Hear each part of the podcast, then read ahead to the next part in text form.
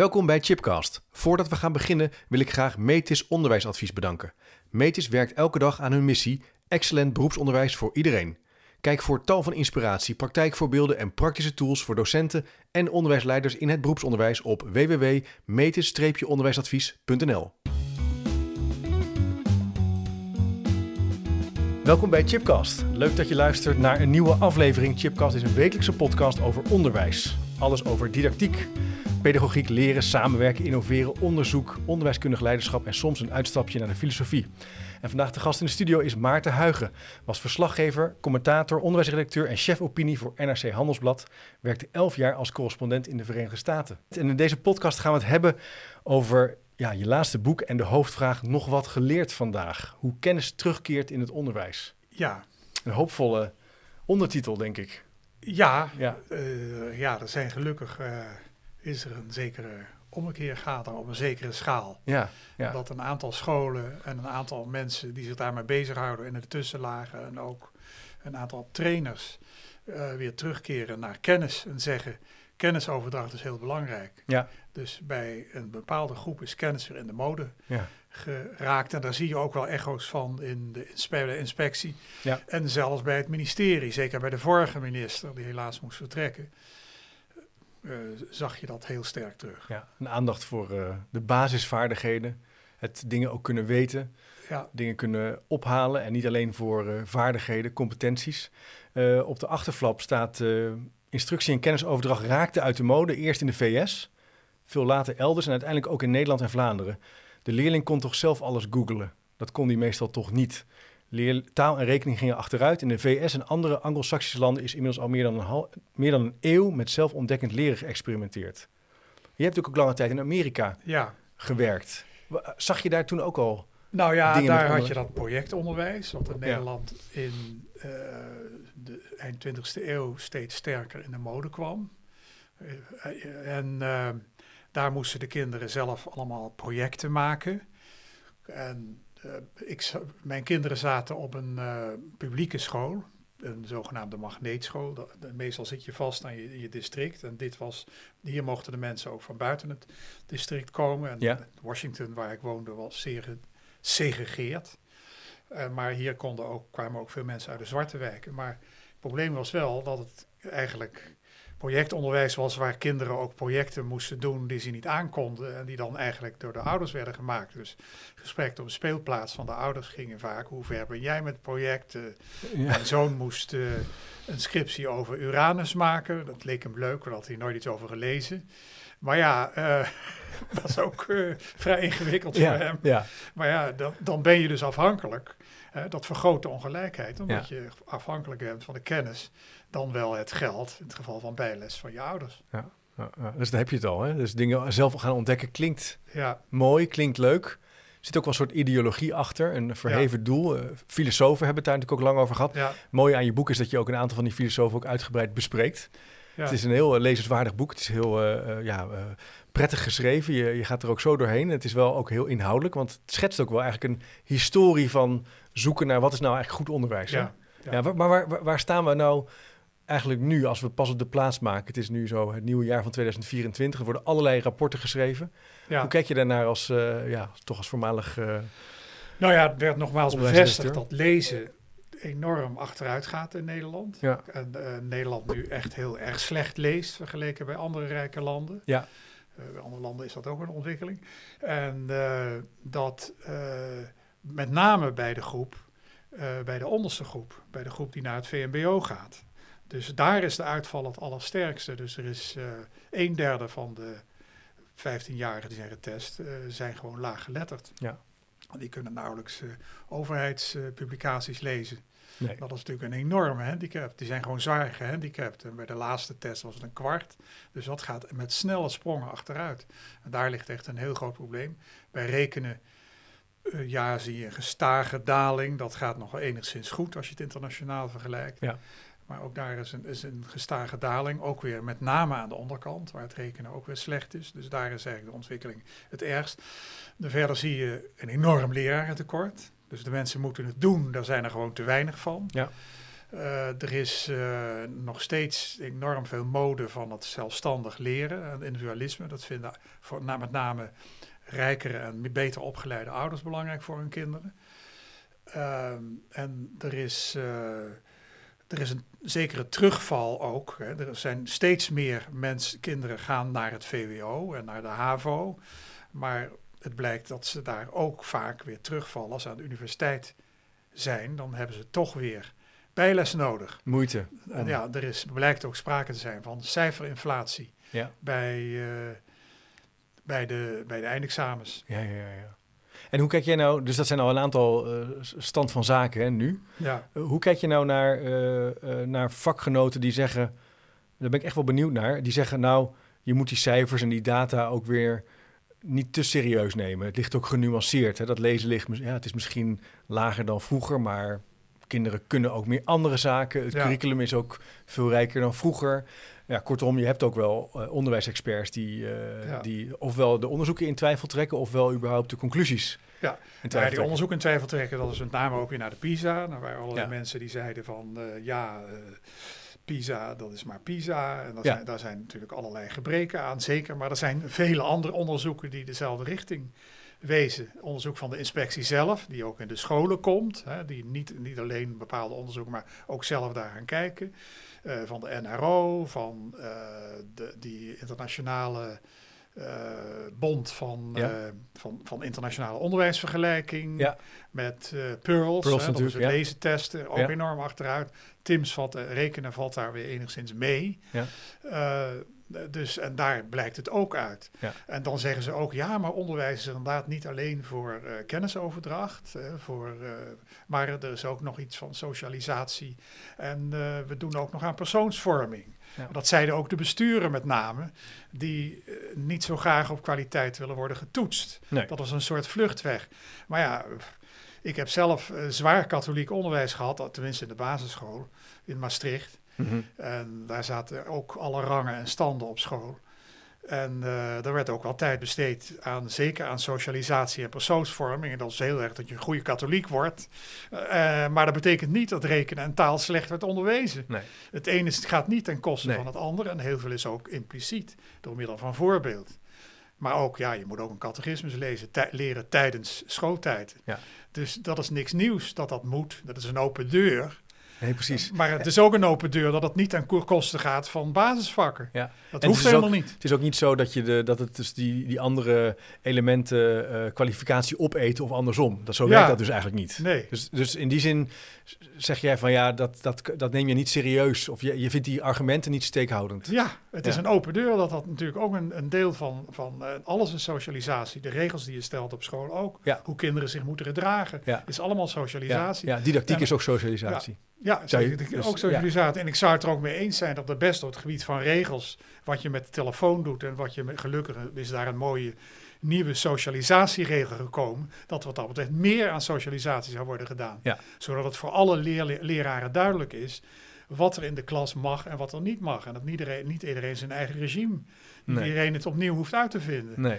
Heel veel, dus meer socialisatie op dat punt zou veel meer les vrijmaken voor lessen. Ja, interessant, ja. Ja, precies. Meer tijd vrijmaken voor goede lessen. Ja, en, en hoe zijn we nou... uh, uh, kan je eens een poging doen om eens 20, 30 jaar terug te gaan en eens te schetsen... Dat doe je ook in het boek op een hele mooie manier. Hoe we hier nou zijn terechtgekomen. Wat zijn de belangrijke ja, wapenfeiten? Ja, dat, dat, is, de, dat is een trend en die culmineerde in de jaren negentig ook in een aantal hervormingen. Dat eh, kennisoverdracht minder belangrijk werd. En Ja. Dat was met name in toen, toen wij onszelf de kennissamenleving noemden. Toen werd kennis ja, maar die kennis ging natuurlijk niet over kennis in de hoofden. Het was juist kennis in de computer. Alles Ja. zou computer worden. Dat, en daar zat de kennis in. En de k- kennis net in, eh, wat zich ook met kennissamenleving bezig hield, het overheidsorgaan, hield zich ook met name met computers en digitale Ja, kennis ja, bezig. Alles komt in de computer. Ja. Dat wordt kennis. En dat betekent ook dat je steeds meer kon opzoeken, dat de computer het al wist. Dan je hoefde zelf niet, te, dan hoefde je minder te automatiseren. Ja, Dus dat was die grote ontwikkeling. En dan was natuurlijk de individualisering van het kind. Ieder kind was apart en moest zelf uh, in zijn, op zijn eigen manier uh, zichzelf kunnen ontwikkelen. En toen kreeg je ook die ontwikkeling van uh, dat, dat de leerling regisseur werd van zijn eigen leerproces. Dus dat men enigszins overschatte wat het kind zelf zou kunnen. Ja. En nou ja, die ontwikkeling zag je informeel in veel scholen. En daarnaast waren er een aantal grote hervormingen, zoals de basisvorming, allemaal tegelijk. Die dus daarom ook mislukte, dat de overheid te veel tegelijk wilde. Dus basisvorming, uh, dat men ook wilde eigenlijk een middenschool, maar die werd dan weer half ingevoerd, alleen voor de onderste deel van het onderwijs. En het andere deel deed niet mee. En uh, ja, studiehuis, dat heb ik toen ook meegemaakt met mijn eigen kinderen. Die plotseling ja. zeiden, we hebben geen huiswerk meer. Ja. En dan zaten ze de hele computerspelletjes te spelen. Eén Ja. zoon van mij. Net het eerste jaar van het studiehuis, waarin dan de, uh, niet meer over, zou worden overhoord. En dat uh, leerlingen dat zelfstandig zouden doen. Ja. Maar ja, dat, uh, bij, met name bij jongens blijkt dat minder goed te werken dan bij meisjes. Ja, ja. Uh, ja algemeen. Dus ook een beetje het overschatten van de zelfregie en de, en de Ja. discipline die, uh, die Ja. jongeren hebben als ze naar school gaan. Ja. En de Eh, tafels werden afgeschaft, de tafels al vermenigvuldiging. Dus heel veel dingen die vroeger werden geautomatiseerd, dat je ze een beetje in je hoofd had, dat je snel uit het hoofd kon rekenen. Ja. Dat werd allemaal steeds minder, de rekenmachines verschenen. Ja, dus het, het volgt de natuurlijke En het- en interesse ja, en de regie van de, van, van de lerende. Het, eh, ook het idee van het realistisch rekenen. Misschien Ja. kan dat ook wel. dus dingen moeten zo realistisch mogelijk ja, in Met- die omgeving. met verhaaltjes sommen. Met verhaaltjes met erbij nadeel komen. dat je, dat je meer taal, eh, als je dus heel goed in berekenen bent en niet goed in taal, dat is voor hun natuurlijk heel schadelijk, want dan kunnen Ja. ze zich ook niet in het rekenen ontwikkelen. Ja. Nou, nou wil ik niet zeggen dat realistisch rekenen een principe een foute methode is, maar het gebeurde typisch zoals die golf van hervormingen ging. Het werd gewoon snel over de hoofden van de leraren uitgestrooid zodat zij er zelf ook vaak niet begrepen wat die leerlingen aan het doen waren. Als Ja. je zelf, hè, want je, moest, je kon ook zelf andere recepten verzinnen dan, dan de, de conventionele recepten Ja. als eh, staartdeling en, en wat dan ook. En eh, leraren begrepen dat vaak zelf niet. En in Singapore is eh, realistisch rekenen ingevoerd. Dat is eigenlijk uitgevonden door een Amerikaan, Jeremy Bruner. En, maar daar hebben ze wel tien jaar over gedaan om dat in te voeren. En om al die leraren te trainen. En die staan aan de top van de wiskunde in, Ja. uh, in de wereld. In al die internationaal vergelijkende tests. Dus het ligt nog niet zozeer aan de methode, maar aan de manier waarop je hem gebruikt. ja. Maar denk je dan ook het dat... het- basisidee is eigenlijk dat je eerst pas de, dat je geen recepten gebruikt zonder dat je ze meteen begrijpt. Dus je moet Ja. eerst getallen begrijpen en dan pas ga je Met ze het- bewerken. ja. Maar denk je nou dat het ook dan is mislukt of niet heeft gebracht wat, het- wat het zou moeten eh, hebben gebracht, omdat het niet goed is geïmplementeerd? ja, Dat is echt een Dat belangrijke in de eerste plaats. Dat is in de eerste het plaats. is duidelijk verkeerd Helder. geïmplementeerd. Ja. En die uitgevers gingen het plotseling massaal doen. En plotseling kon je geen boek meer krijgen waarin het functionele rekenen stond. Terwijl sommige leraren daar liever mee werkten. Nou, dan moet daar toch ook een mogelijkheid Hm. voor zijn. Hm. Hm. En dat werd eh, plotseling ook ouders waren verrast. Want ouders die hun kinderen wilden helpen konden dat niet omdat ze de methode niet begrepen. Die moesten ook rekenles nemen. Ja, Daar kun je dan ook rekening mee houden als je zoiets invoert. ja. Dus het- het- we hebben heel, veel, heel kort heel veel hervormingen tegelijk. En dat lukt gewoon nooit. Nee. Hetzelfde, je kunt Te zeggen, groot. de basisvaardigheden kun je iets mee doen. Maar als je dan ook nog de middenschool en talloze andere wenselijkheden gaat doen, dan gaat dat gewoon niet lukken. Ja, stapel je gewoon te veel zaken Ja. bij elkaar op en dat, dat stort in elkaar. Ja. Dus dat, is, dat zijn een aantal wapenfeiten. En het competentiegericht onderwijs, heb je daar, hoe kijk je daar dan naar? Eh, dat is natuurlijk mi- misschien iets meer wat in het beroepsonderwijs Ja, geïntroduceerd is. Of heb je dat ook? ja maar voor competenties is ook kennis nodig. ja, En voor competentie is oefenen nodig. Hè. Dat is natuurlijk net zoals piano oefenen, voetbal oefenen. ja, Eh, dat begrijpt ook iedereen. En eh, dat ging dan toch ten, koste van, eh, van de kennis. Ja. En dat was bij de lerarenopleidingen is dat heel schadelijk geweest. Omdat daar de competentie van het leraar zijn werd gedoseerd. Zodat 60% bestond uit niet-kennisvakken. Ja. Stelde de onderwijsraad vast in 2005. En maar 40%, 38 tot 40% bij de lerarenopleidingen was eh, inhoudelijk. Ging over de vakken die moesten worden gegeven. maar dat zie je natuurlijk vandaag de dag ook heel sterk. Het gaat, heel, eh, gaat meer en meer over wie je zelf bent. Ja, je, dus het, het soort, het je, ik. Ja, Het ik. En Ja. jij, bent, eh, je- ja, jij bent de interventie. Je moet jezelf leren kennen. ja, Eh, het gaat gelukkig op sommige plekken steeds meer weer over kennis. Daar gaan we het ook over, zo over hebben in het tweede deel. Maar dat is eigenlijk iets wat, wat je ook zag veranderen dus in de opleidingen. Ja, waardoor Ja, ja. die kinderen ook eh, uiteindelijk je, met kennis ook, dat zie je ook bij het Nederlands. Dat is om die reden heel saai geworden, omdat men wil blijven bij de wereld van de kinderen. Ja, Terwijl het voor die kinderen juist interessant is om nou eens buiten huis en buiten die eigen wereld, daar is het onderwijs ook voor. ja. En Nederlands is inderdaad ook verpest met al die taalkundige trucjes, verwijswoorden. Terwijl al dat verhalende en die leuke elementen die in het Nederlands staat, als, als- die, die zijn eigenlijk allemaal verdwenen. Oké, Als dat je wat eigenlijk- langer ja. avonturen doorleest. En dat heeft denk ik ook de leesvaardigheid enorm verslechterd. Nou, daar zijn de Nederlandischen ook druk mee bezig om dat eens wat te verbeteren. Verwijswoorden, arme teksten. Ja, arme teksten, hele arme teksten, bijgeschreven zinnen. Dus eh, allemaal heel, heel eh, weinig eh, creatief ook eigenlijk. Hè, zoals Ja, die, ja, eh, die teksten aan elkaar zitten met allemaal plaatjes erbij en allemaal actuele onderwerpen. Maar niet van die lopende verhalen. En ik heb in klassen gezeten waar dan heel lang Reinoud de Vos werd voorgelezen. Nou, die kinderen hingen aan de lippen. Nadat ze inderdaad de kinderen wel een beetje wijs hadden gemaakt in de middeleeuwse literatuur. Ja. Voor groep 5, eh 7 was dat. Ja. En die kunnen dat best aan. Ze kunnen veel, ja, maar dat zien we nu ook steeds Ja. meer. De scholen die het weten te Ja. draaien, die, Ja. die zeggen ook, ja, ze kunnen veel meer dan je denkt. Rijk juist die rijk, rijke woorden aan en ga Ja. met ze lezen. ja, Het valt overigens ook op nu je dit zegt over taal. Eh, als je kijkt naar de boeken die kinderen lezen, eh, ja, ehm, het zijn het leven van een loser, het dagboek van een muts. Het zijn allemaal van die boeken voor kinderen. Ja. Ze zijn leuk om te lezen. Mijn dochter pakt er ook wel eens een paar. Maar het is inderdaad bijna automatisch geschreven. Hè?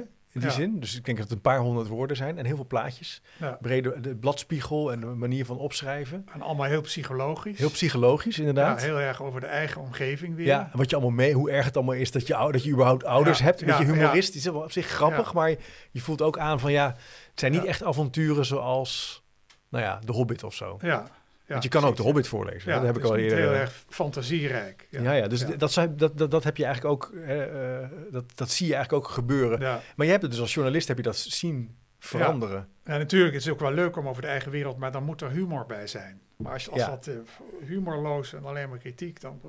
Ja, dat, deed natuurlijk Annie Schmid. ja, Dan ja, met humor kun je best iets leuks doen Ja. met de eigen wereld. Dan verplaats je het ook weer naar iets anders. ja, ja, ja, ja, ja, ja. Maar, eh, eh, het is, eh, maar ja, natuurlijk gewoon spannende avonturen en gewoon wat langer doorlezen. Maar een van de problemen is natuurlijk, dat is een van de basisproblemen, dat, dat, dat hebben ze in Amerika ook ontdekt, want daar waren ze al veel eerder met dat alleen maar ronddabberen in de eigen wereld van het kind, teruggaan eigenlijk naar de eigen wereld van het kind. Eh, dat, dat, dan, dan ontdekten ze, oh, er wordt toch slecht gelezen. Dan gaan we meer lezen doseren. En dat werkt helemaal niet. Want dat meer Ja. lezen doseren gaat ten koste van de kennisvakken. Wereldoriëntatie, geschiedenis, Ja. biologie. Terwijl dat juist de kennis moet leveren, zodat je die woorden kent. Begrijpend Je lezen. woordenschat nodig. Ja. En als je Dus- 5%, meer dan 5% van de woorden, begrippen, gebruikte begrippen niet kent, Mhm. dan kun, je die, dan kun je die tekst ook niet begrijpen.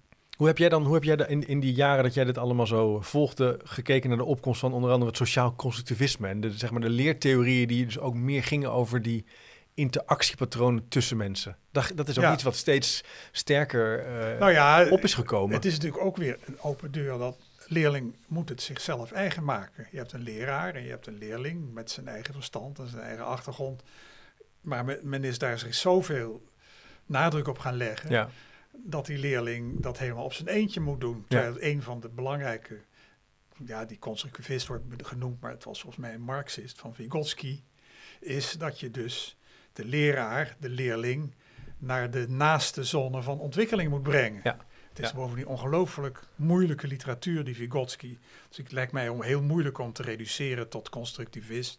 Of dit of dat, of deze praktijk. En Ik- Marxisme is natuurlijk helemaal geen constructivistische Niet echt. richting. Het was Nee. een Russische Marxist.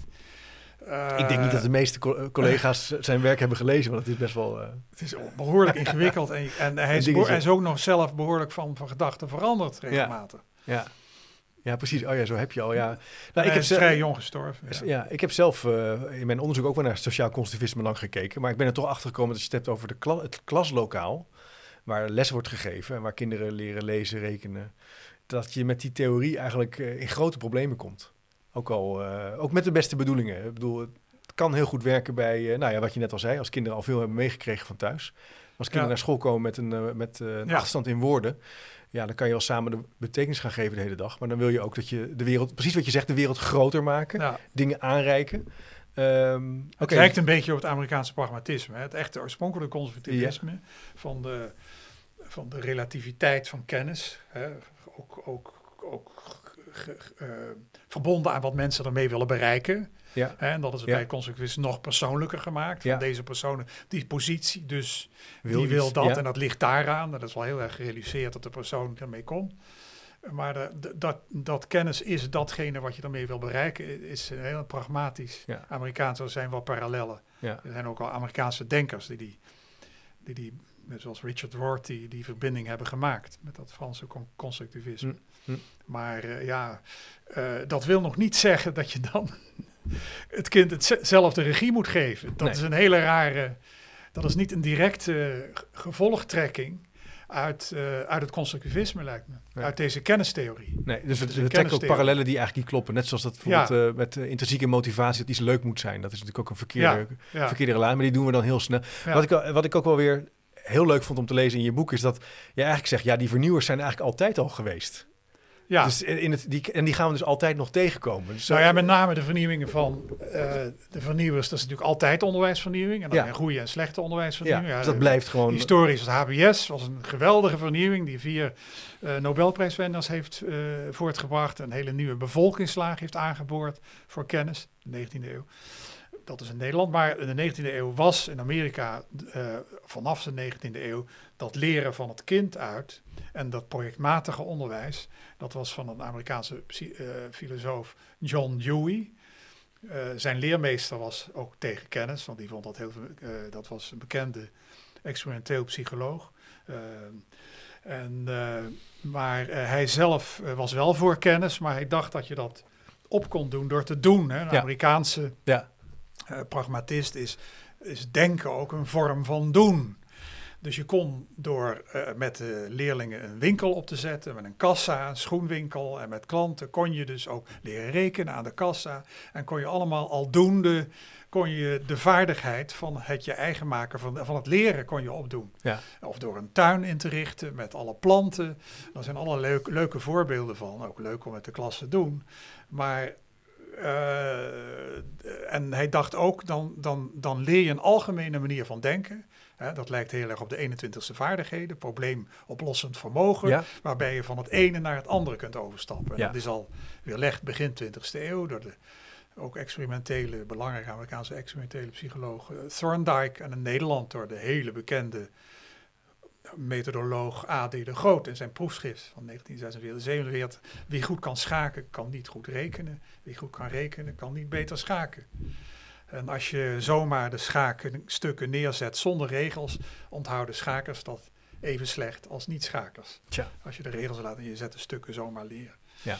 Dus het zijn heel erg dingen die je per vak hebt eigen gemaakt. Dat Ja. kun je niet zo overstijgend Nee, een zeggen dat dat opdoen, werkt. waar, waarmee je alles kunt leren. Nee, terwijl ik kan me wel voorstellen als je eenmaal weet hoe je moet schaken en je vindt het leuk en je hebt er interesse in, dat je beter kunt worden door in het schaken. In het schaken, schaken in zelf. het schaken zelf. In het vak. Precies. maar Dat niet in wiskunde. Maar niet in wiskunde. Dan moet je weer helemaal Nee. opnieuw beginnen. Overigens, dat, we- die fouten, dat wordt vaak ook op het schoolplein gezegd. Nee, maar mijn zoon, oh, die schaakt zo goed. Nee, oh, oké, prima. Dan kan hij dus goed schaken. ja, Wil niet betekenen dat Ja. hij goed kan leren. ja. Ja, ja. Maar je, je, je, dus die vernieuwers komen we altijd tegen. We hebben ze nu ook. Scholen die ver- vernieuwingsscholen. ja, vooral deze richting van En- en- vernieuwen. maar eigenlijk ja. altijd wel eenzelfde soort richting. Ja. Eh, eh, Een beetje plat gezegd, die arme, dat arme kind, die kan best regie geven aan zijn eigen eh, leren, leren. Dan gaat het veel krachtiger, veel sneller en dan gaan ze je verrassen. Ja, Zo en dan. dat is natuurlijk een paradox, want natuurlijk de eerste nieuwe leerfiguur was Jean-Jacques Rousseau. Die is natuurlijk zelf nooit toegepast, maar het was eh Emile, een verhandeling van 1700 pagina's.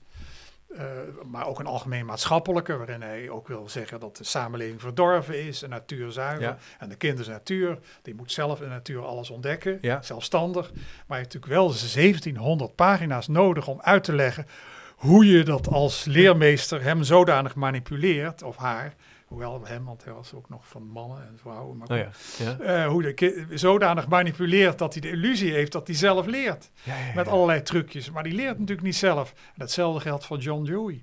De, hij heeft ook in 1900 een lab school. En dat was echt een nieuwe leerschool opgezet.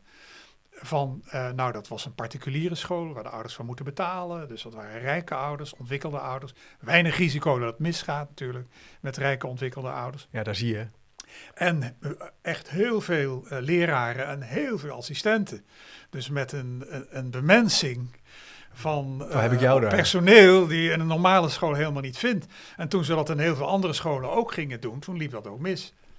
Ja, ik, heb, ik, ik moet even denken aan een Twitterberichtje wat ik een jaar geleden eh, de wereld inzond van... zijn er nou scholen met een hoge schoolweging die ook leerpleinen hebben die de minimale eisen halen? En, op, eh, en eh, volgens mij ik ben ze nog niet tegengekomen.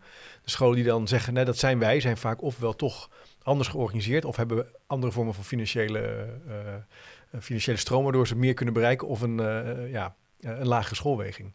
Dus je ziet toch ook weer hier dat de, de scholen waar het...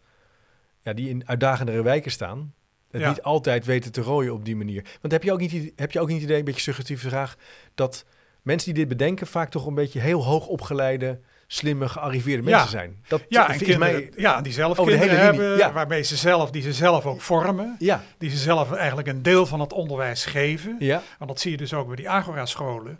Daar is eigenlijk, hè, die zeggen, ja, maar ouders moeten heel erg betrokken zijn. Ja. En dat betekent weer dat je leerlingen selecteert op hun ouders. Ja. Terwijl in principe moeten Ja, ja, ja. natuurlijk alle kinderen, ook kinderen zonder betrokken ouders of ouders die het niet aankunnen, eh, ook eh, dezelfde kansen hebben als ook- leerlingen met rijke, betrokken enzovoorts ouders. ja, daar zie je. Dus het, trekt, ja, het selecteert de ouders. Dat is ook nog een interessant punt. Ja. Ehm, iets wat jij ook uitwerkt is dat het eh, een verklaring van de innovatie in opleidingen van onderwijs is de procesmatige, bedrijfsmatige kijk op leren. Dat vond ik ook wel interessant. Kan je, kan, zou je daar iets meer over kunnen Ja, vertellen? innovatie is natuurlijk heel erg, komt heel erg uit het bedrijfsleven. Ja. En eh, dan zoek je natuurlijk voortdurend eh, middelen naar, ter verhoging van productiviteit. Eh, een goed voorbeeld is trouwens ook bij opvoeden. Je kunt als ouder heel veel tijd sparen door het kind een iPad te geven. Dan hoef je veel minder, op, veel minder tijd in hem te steken. Ze zeggen dan ook, je hebt geen kind meer aan hem. Of het nou een, manier, een goede manier van Ja. opvoeden is, is helemaal de vraag. Maar volgens de wetten van innovatie en productiviteit, hè, minder, minder ouderkracht nodig. Ja, lekker. Laat ze maar lekker. Dat is goed voor ze. Ja, zodat. ja, ja. Ja. En eh, dat kun je ook zeker bij eh, digitalisering bij het onderwijs is dat heel sterk. Dat blijkt uit OESO, dat is die eh, organisatie voor rijke landen, ontwikkelde landen. Die hebben ook gevonden dat landen die het meeste hebben ingezet op digitalisering en automatisering, hebben vaak slechtere resultaten dan landen die dat minder hebben gedaan.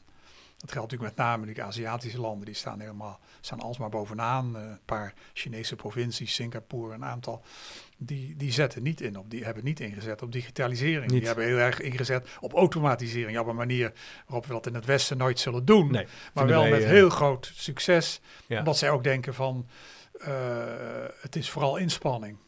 En talent is minder belangrijk. Het Ja. is voor een, die, die vinden het, het element inspanning belangrijker.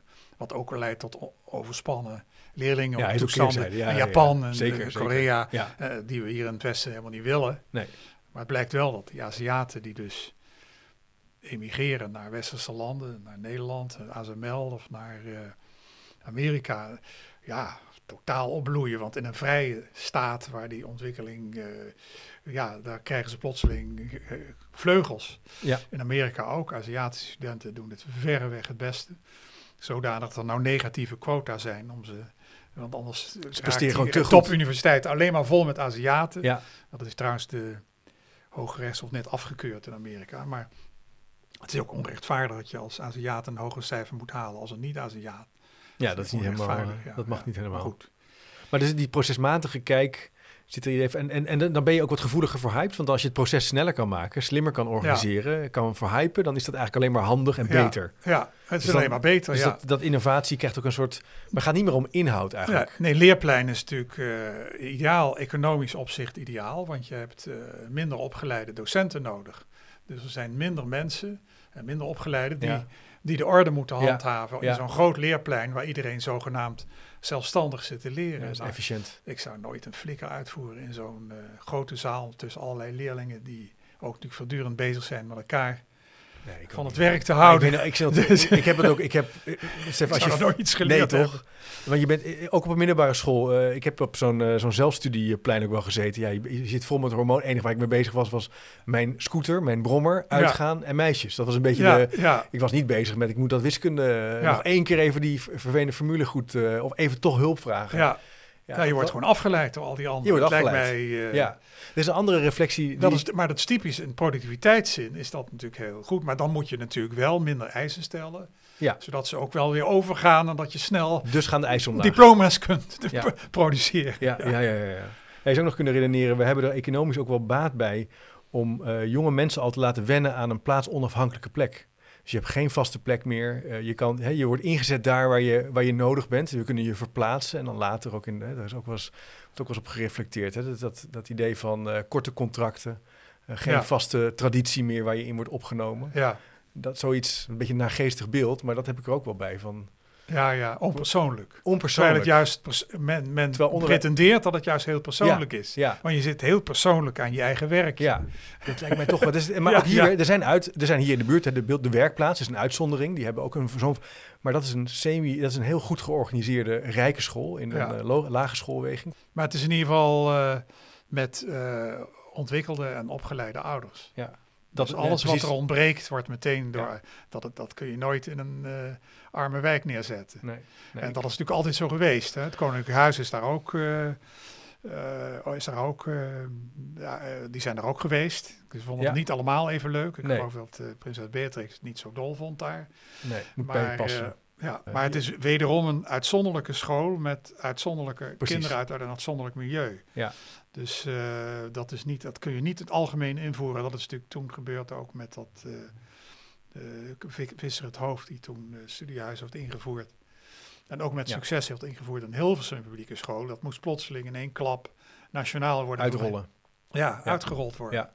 Maar achter dat, de, achter dat vernieuwen en innoveren zit iets van het oude niet meer willen accepteren, iets nieuws maken, iets totaal anders maken. Hè? Je schepen achter je verbranden. Dat, dat Ja. idee heb ik ook wel eens bij, bij onderwijsvernieuwers anno nu. Dat dat Ja. soort diep verlangen zit om het anders te doen. Maar ook, ja, het is ook een idee van de emancipatie van het kind. Het is... eh, Ja, Net zoals ook de emancipatie van de gehandicapten.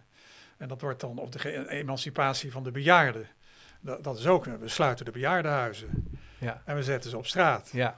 Ja, ja succes ermee. Ja, en dat is natuurlijk heel erg van de tijdgeest ja, ja, precies. waar we in zitten. Daar past het hele, de verzelfstandiging van het kind, de verstel, verzelfstandiging van dat je plotseling dan hetzelfde, die zijn dan hetzelfde als andere anderen. Nee, ze hebben meer ondersteuning en hulp nodig. Ja. Het is ook in die zin een, een fase van, van waarin een land verkeert. Dus de landen die nog bezig zijn met de emancipatie van zichzelf, daar was Finland een voorbeeld van, daar was Vlaanderen een voorbeeld van, daar is lange tijd Nederland een voorbeeld van geweest met de emancipatie van de zuilen. De emancipatie van de katholieken, het katholieke onderwijs. Ja, Dankzij wel, welke Brabant en Limburg eh, zijn geëmancipeerd. Katholieke volksdelen is geëmancipeerd. Hè, de kleine luiden, protestantse luiden. En hetzelfde zag je bij taalemancipatie nu bij Estland.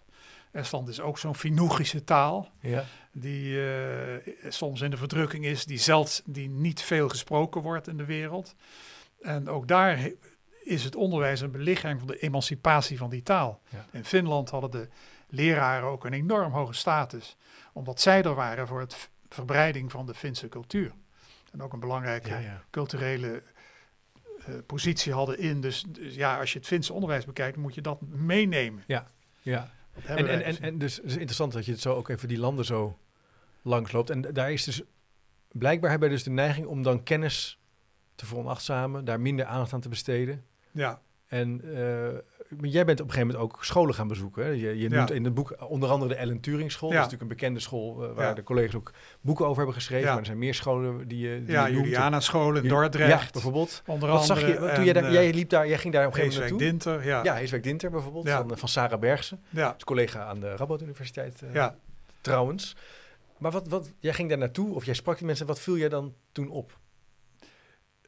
Nou, eh, dat het, dat het, dat dat, dat zelf, dat dat eh, leren, dat kennisoverdracht, dat, dat, dat kinderen dat als je dat op een goede manier doet, bijvoorbeeld met het leren van begrippen, dat dat ook best heel eh, leuk kan zijn. Ja, ja.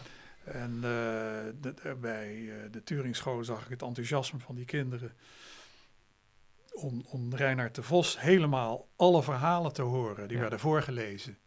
En eh, ja, uiteindelijk konden ze ook verschil maken tussen vroeg- en laat-middeleeuwse literatuur. Dat is bijna een wetenschappelijke kwestie. ja. Maar er werden die kenmerken even niet kunnen reproduceren. Toen ik het schreef in het boek was er nog enige discussie over bij de leerkrachten of het wel wetenschappelijk genoeg was, dit oordeel over vroeg en laat. Maar in ieder geval, het was belangrijk dat die leerlingen kenmerken, kel- kenmerkt, kenmerken eh, leerden te onderscheiden van soorten literatuur en Ja. soorten denken. Ja, En dat ze het re- relateerden aan een tijdperk. Dat is Ja. belangrijk om te leren.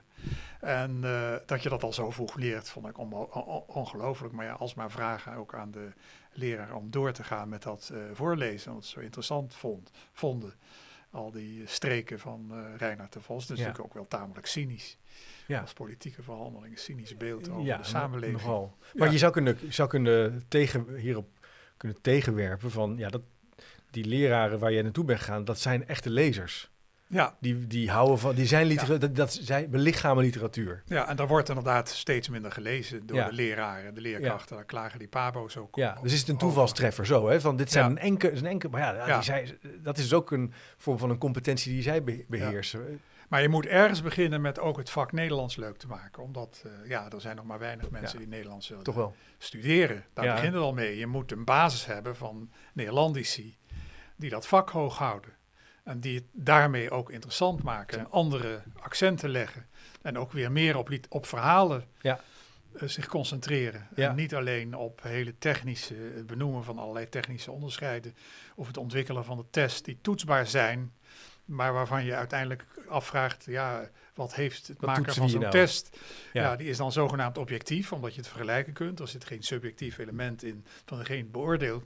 Maar het is totaal vervreemd Ja. van wat een leerling eigenlijk zou moeten leren. Maar we zijn eigenlijk vooral in het onderwijs ons gaan bezig, of een groot deel ook gaan bezighouden met het maken van testen. Waar, Ja. Ik ben hier met Ben, ben Milbrink ook een uitgebreide gesprek over gevoerd. ja, En niet meer over de inhoud eigenlijk waar het over gaat. Over Ja. het oordeelsvermogen van de leerkracht. ja, Die kan kijken naar. Dus dat, dat is een punt waar jij eigenlijk al van zegt. Die kennis gaat ook over het Nederlands, de taal Nederlands. De rijkheid van de taal, de literatuur.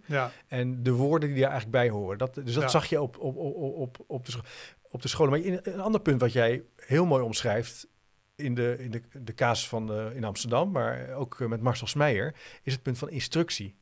Hè, dus het, de expliciete directe instructie wordt, waar je het ook over hebt. Wat toch ook heel vaak wordt gezegd van ja, dat is saai. En, ze moeten allemaal in een busopstelling. Nou ja, je hebt het allemaal wel. ja, ja. Hoe, hoe zag jij dat dan? Je ging daar naartoe en wat viel jou daarop? Staat, Ja, ze zaten orde? allemaal. Ja, ze zaten allemaal? Ja, ja, je hebt Geen- orde, dus je wordt veel minder afgeleid. En eh, bij, die, eh, bij die opstelling waar ze met tafeltjes te- tegen elkaar zitten, eh, ja, dan moeten sommigen zich half omdraaien. Het is al veel moeilijker om je te concentreren. ja. En je krijgt soms ook scheiding in groepen. Dan gaan ze soms sche- scheiden ze in groepen. Hè. Dat, daar ben ik ook al geweest in die, eh, in, bij groepjes bij elkaar. Ja. En dan soms dan zetten ze maandjes, sterretjes los van elkaar. Dat is natuurlijk heel vervelend voor kinderen die nog heel jong zijn en best daarna, daarna zich nog kon ontwikkelen, helemaal gestereotypeerd Ja. wordt. En dan ben je al veel vroeger nog, al voor eh, de beru- beruchte eindtoets, ben je al aan het, aan het segregeren. Dat lijkt me niet zo verstandig. En eh, het fijne is dat, ja, dat de concentratie verhoogt. De afleiding minder is. Dat is toch ook vaak als ik in klassen kwam, ook voordat ik onderwijsredacteur was eh, eh, bij NRC. Die, die chaos. Het ene kind moet iets brengen, de ander moest iets halen. Alles loopt door elkaar de hele tijd. Dus die concentratie Ja, is, en dat is ook iets wat kinderen dus kunnen leren. Dus je kunt leren je te concentreren, je kunt leren een lange tekst eh, te Ja. lezen. En dat is Ja. dus in de, in de instructie, en in de lestijd eigenlijk ook zo. Zag je, begon je te zien eigenlijk. ja dat begon eigenlijk je te zien in die scholen. Ja, ja. En eh, het enthousiasme en ook, eh, ja, dat er duidelijk, en, en ook eh, heel erg in didactiek, en dat kun je natuurlijk ook aan leraren leren, er ook op gericht. Ja. Dus bij Turing had, had de leraar wel een computer, maar die stond tegen de muur. Dus als ze les gaf, dan zat ze niet aan, aan de computer met zo'n beeldscherm Ja, tussen haar hoofd en, en de leerlingen. Die zitten alleen naar zo'n grote achterkant van een beeldscherm bij wijze van te spreken te kijken, of een groot deel daarvan. En ook uh, recht staan voor de les, ja, dat soort didactische elementen. Ja, ja het heeft me ook verbaasd dat, uh, wat je noemt ook een aantal voorbeelden, ook van uh, José Schraven onder andere, over goed leren lezen en spellen, dat dat soort uh, fouten van gedraaid een instructie doen of Ja. kinderen in groepjes blijven zetten, Ja, op heel veel scholen toch gemeengoed is geworden. ja. En, en dat, dat, dat heeft dus negatieve effecten als het, als het gaat over die kennis. En dus Dat- over die ja, gelijke kansen. Kennis en vooral over het oefenen. Ja, oefenen is het handig als ze het zelf doen. Ja. En het schijnt ook dat leerlingen het best leuk vinden om nog eens een keer die tafels te herhalen. Als ze hem praktisch al beheersen. Ja. Dat geeft een zekere tevredenheid. ja, natuurlijk, want dan kan je, dat is leuk. Ja, maar Ja. was er ook een, dat was, ik meen dat dat Sikkes was, die eh, bal gooide naar leerlingen. En dan moest je binnen een paar seconden moest je het antwoord van die berekening geven. Dat ging ook van 17 maal 18. Niet alleen 7 maal 8, Ja, maar ook 17 maal 18. ja, En als het dan niet snel, dan gooi je het naar iemand anders. ja. De hele Eh, methodologie Het is dan een spelletje geworden. Ja, een spelletje.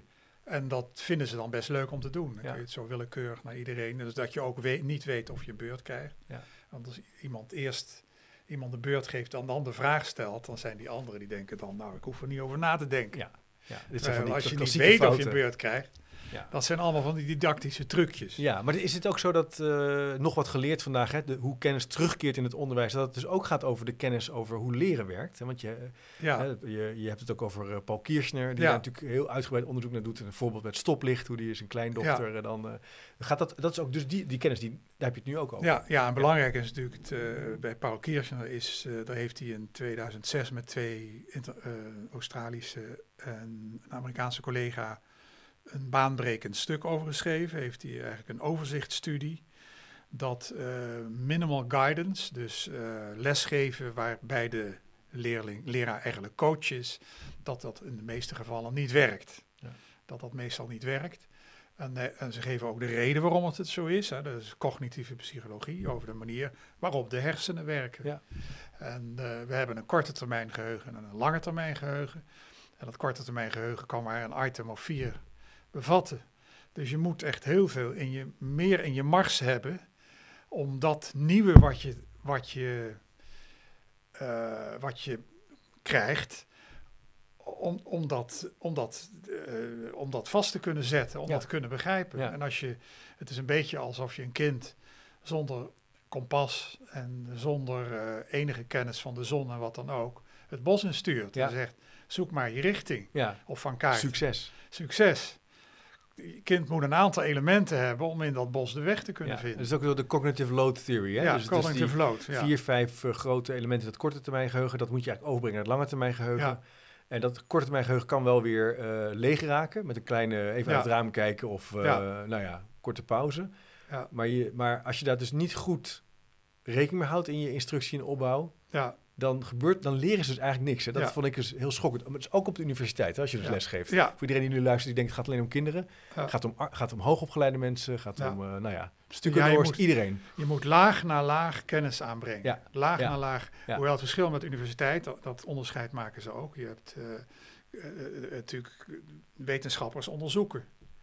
En Tuurlijk. die doen onderzoekend leren. die doen eigenlijk onderzoekend leren. en die, die zijn zodanig gekneed in hun vak. Ja, zijn experts. Ja, dat ze weten hoe Ja. ze de kennis moeten groeperen die ze al zeker. hebben. Ja, maar om, als het om gaat over... open onderzoeken te doen. Zeker, maar als je Maar het is iets voor wetenschappers en het is niet voor gewone, gewone mensen. Nee, Dat- ik weet nog dat ik eh Paul Kirsten op een gegeven moment interviewde, dat was in die coronatijd. Toen had ik de, mijn hoofdvraag was, hoe leren kinderen? Ja, En hij begon meteen, werd hij daar, hij zei, ja, hoe leren kinderen? Hè? Je bedoelt, hoe leren mensen? ja, zei, ja. hoe bedoel je dat dan? Ik zei, nou ja, hij zei, iedereen leert on- ongeveer hetzelfde. Er zijn natuurlijk uitzonderingen. Ja, hebt wel Ja, er zijn er uitzonderingen, natuurlijk. maar gemiddeld gezien zeker niet. Ja, kijk, kijk, Rousseau was ook een uitzondering, Rousseau zelf. Ja. Dat was een autodidact. Die had een vader die trouwens veel leest, een horloger. Hij las al die boeken zelf. Ja, Maar grotendeels heeft hij allemaal zelf moeten doen. ja. En ja, en dan kun je niet zeggen, ja, ik heb het zelf gedaan, dus de anderen moeten dat ook maar. Ja precies. Dat je die nog... Dat is eigenlijk wat hij ook zegt. Ja, nou, dat- zegt hij niet, want die leraar is voortdurend bezig om dingen te bedenken, om hem te laten leren. Maar Ja, het is... eh, Nee, precies. Dus vandaar dus, dus je zag aan die scholen dus die, die, die, die rijkheid van die Nederlandse taal, die leerkracht als, eh, als ook met een autoriteit, hè, dus geen scherm voor zijn neus, ja, die constant in interactie is via die Ja. instructie en die gebruik maakt via de punt van die, van, die, van, die leerst, van die kennis over hoe leren eigenlijk werkt. ja, ja. En daar zie je dus, en, en, en dat is eigenlijk de terugkeer van kennis. Ja, dat is de terugkeer van kennis. Dat, eh, eh, dat er steeds beter inzicht komt over hoe mensen leren via Ja. de hersenen.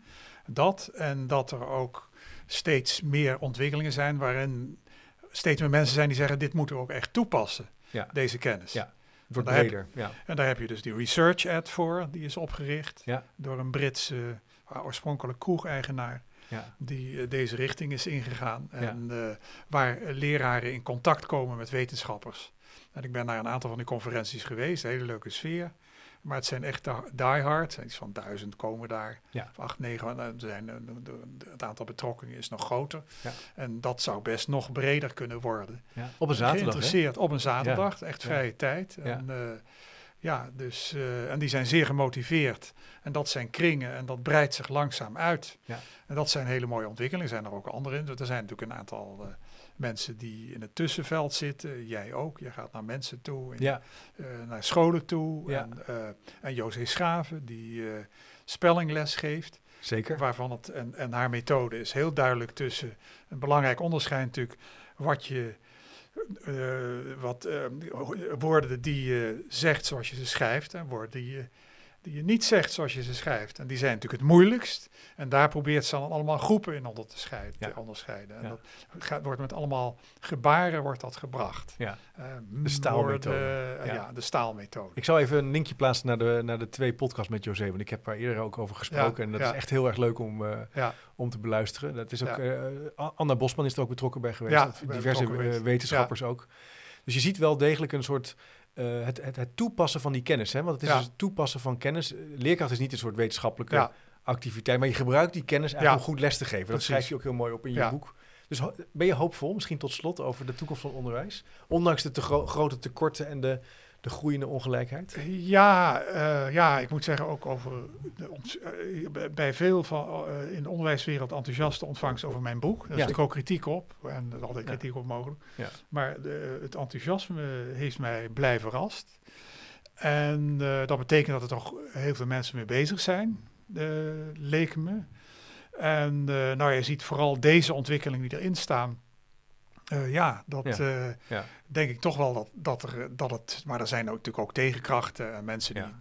tien hervormingen weer tegelijk willen uitvoeren, waardoor het dus mislukt. dat. En er zijn nog steeds mensen die ook, overigens, die dan natuurlijk, zeker mensen die hoog opgeleid zijn, een unieke kind, eh, een uniek onderwijs, hè, die niet volgens deze regels, waar dus inderdaad mensen met minder ontwikkelde ouders in het nadeel zijn. Ja. Dus die groep, hè, vooral ouders die hun eigen kind uni- uniek vinden, ja, je hebt nog steeds ontwikkelingen daartegenin die het oude nieuwe leren nog steeds met geestdrift willen toepassen. Zeker, dat ik niet ook voor wel, ja. alle even groepen, groepen even goed zal werken. Ja. En, eh, ook wel zeker zin, voor, je, hebt wel minder bubbels, maar er zijn toch ook nog wel wat bubbels waar zo'n boek als dit ook gelezen moet worden. En waar we ook de boeken van hun bubbel moeten lezen en Ja, discussiëren. Maar ik heb het gevoel dat het soms nog wel gescheiden is. En dat wordt wel beter, hoop, Ja. vind ik. Maar Nou ja, ik ben in ieder geval, vind ik, ja, er is een ontwikkeling. Dat, is, eh, dat is duidelijk en het is beter dan, dan, dan een aantal jaar in het verleden. En Ja. Ik heb, ja, onderwijsredacteur ben ik geweest, maar ik ben ook wel, eh, ik heb voor- daarvoor ook wel eens hier en daar onderwijs. En dat is wel echt anders nu. ja, Deze, deze stroming is wel een stuk sterker geworden sindsdien. ja. Mooi. de jaren dat ik erover schreef. Ja. Dus dat is wel hoopvol. En als je nou luistert en je bent eh, onderwijzer of leerkracht of je bent met onderwijs bezig, heb je nou wat tips voor iemand die nu luistert en zegt, nou ja, lees dit boek, hè? Dat gaan we dan, eh, dat is denk ik tip 1. Ja, Maar wat zou je nou nog meer kunnen doen om, om, hier, om hier serieus over na te denken? ja research ad. Ja. Er zijn natuurlijk ook, eh, ook wel boeken geschreven over hoe je, onder andere door Marcel Schmeijer, maar Ja. ook anderen, Ja. hoe je, eh, René Knijber, een aantal anderen, Ja. die ook van hoe je dat direct als onderwijzer of leraar kunt Ja, toepassen. die doorloopjes en Eh, René Knijber. je- Ja. Ja, Ja. dus de- direct toegepast. Hoe Ja. kan ik dat zelf in de praktijk toepassen? Ja. En daar verschijnen steeds meer boeken over, over didactiek. En het is ook goed om daar met collega's over te praten. Met, eh, lijkt mij, met collega's samen te werken. Ja. Op de basisschool Ja. is dat heel duidelijk. Ja. Een enorm verbetering als men het eens is hoe men het samen gaat aanpakken. Het scheelt ook een hoop vergadertijd. Dat kun je natuurlijk ook in elke vakgroep doen.